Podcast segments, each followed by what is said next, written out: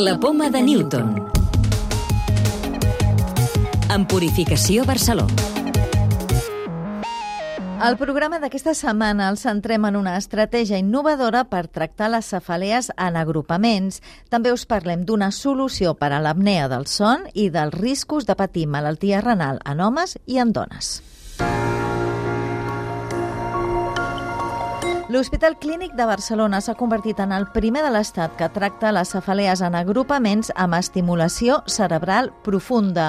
Consisteix a implantar electrodes que estimulen i modulen l'activitat cerebral. En aquest cas, però, també es fan servir per preveure els episodis de dolor, com explica el neuròleg Pedro Roldán, que ha participat en la primera operació d'aquest tipus que ha fet al centre. Implantar unos electrodos en una parte específica del cerebro que sabemos que tiene cierta relación pues, con la génesis de este dolor la enfermedad, ¿no? Y mediante la neuromodulación poder atacar el dolor frenando la propagación de ese dolor al cerebro. Podemos diagnosticar el inicio de una crisis y aplicar lo que aprendamos de estas ondas que estamos registrando para poder predecir cuándo van a aparecer estas crisis y ser un poquito más eficientes. La cefalea en agrupaments és un dels tipus de cefalea més dolorosos que existeixen. Fins i tot se la coneix com la cefalea del suïcidi perquè aquests episodis bruscos i molt intensos de dolor impacten a la qualitat de vida dels pacients fins al punt de voler treure's la vida. Víctor Ubach és el director de l'equip que ha practicat l'operació. Una cefalea en agrupaments crònica de 6 a 8 mals de cap i algunes setmanes, inclús 10 cada dia, és realment incompatible amb una vida laboral, amb una vida personal normal i, i familiar. El pacient Àlex Porro, de 58 anys, patia des de feia 10 anys entre 3 i 5 episodis de cefalea intensa cada dia. Ara reconeix que li ha canviat la vida. El resultat és satisfactori. M'ha tret pràcticament, no totalment, però pràcticament m'ha tret totes les molèsties i tots els horrors. M'ha canviat la vida completament. És la primera vegada que es fa aquesta intervenció a l'Estat en un malalt amb aquest tipus de cefalea i només s'han descrit una desena de casos d'aquest tipus a tot el món. Investigadors de la Universitat de Granada han aconseguit curar casos d'apnea del son, una malaltia considerada crònica fins ara. El tractament actual consisteix a fer dormir els afectats connectats a una màquina per tal d'evitar que deixin de respirar. El que han fet aquests investigadors ha estat un programa combinat de canvi de conducta de nutrició, exercici físic i bons hàbits, amb resultats molt positius. Almudena Carneiro es investigadora principal del estudio. Una intervención interdisciplinar para la pérdida de peso y el cambio de hábitos de vida compuesta por cinco módulos. Ejercicio, otra es nutrición, abandono del consumo de alcohol, abandono del consumo de tabaco e higiene de sueño. Els homes tenen fins al doble de probabilitats de morir per un fracàs renal agut, una malaltia molt greu. La causa és que activen gens diferents que les dones. És el que han descobert investigadors de l'Institut de Recerca Vall d'Hebron en un estudi fet amb porcs.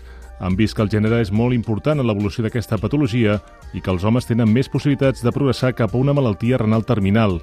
Ho ha explicat Anna Massaguer, cap del grup de fisiopatologia renal de l'Institut de Recerca Vall d'Hebron. La probabilitat de tenir-lo és el mateix amb homes i dones, però la progressió cap a la malaltia renal terminal és més important amb homes que amb dones. I quan en aquesta circumstància és molt greu, hi ha el doble d'homes que moren d'això que de dones. Un equip internacional d'investigadors amb participació de científics de l'Estat ha trobat una mutació genètica que seria la causa del lupus. Els investigadors han descobert la mutació en una pacient a qui van diagnosticar lupus quan tenia 7 anys. Després també la van trobar afectats als Estats Units i de la Xina i finalment un estudi amb ratolins van demostrar que els animals amb la mutació desenvolupaven lupus. En aquests moments no hi ha cap teràpia efectiva pels malalts de lupus, una malaltia que pot derivar en una patologia greu i fins i tot mortal. Llibres de ciència. La nostra proposta d'aquesta setmana ens endinsa en el misteriós món dels forats negres. Los agujeros negros del físic investigador José Luis Fernández Barbón ens explica les característiques i també els tipus de forats negres coneguts i també la seva importància perquè la física aconsegueixi la teoria del tot que buscava Stephen Hawking. L'obra ens ofereix una explicació detallada però senzilla dels conceptes bàsics per comprendre els secrets d'aquests objectes i també el paper que desenvolupen en la vida de les galàxies i en el nostre coneixement de la física. La clau de volta. Què és la barrera hematoencefàlica? Mònica Mir, investigadora de l'Institut de Bioenginyeria de Catalunya, IBEC. és bàsicament el sistema vascular que tenim al cervell. De fet, és com una troca de, de llana, no? una bola de vasculatura molt petita, és al voltant d'un diàmetre de 10 micres, que el tenim així de manera random per tot el cervell, perquè arribi al màxim de número de neurones que tenim.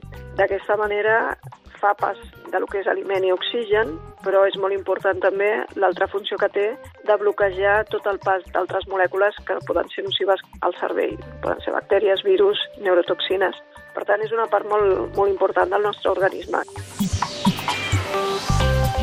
Recordeu que podeu descarregar-vos el podcast de la Poma de Newton o subscriure-us al programa per rebre'l directament als vostres dispositius.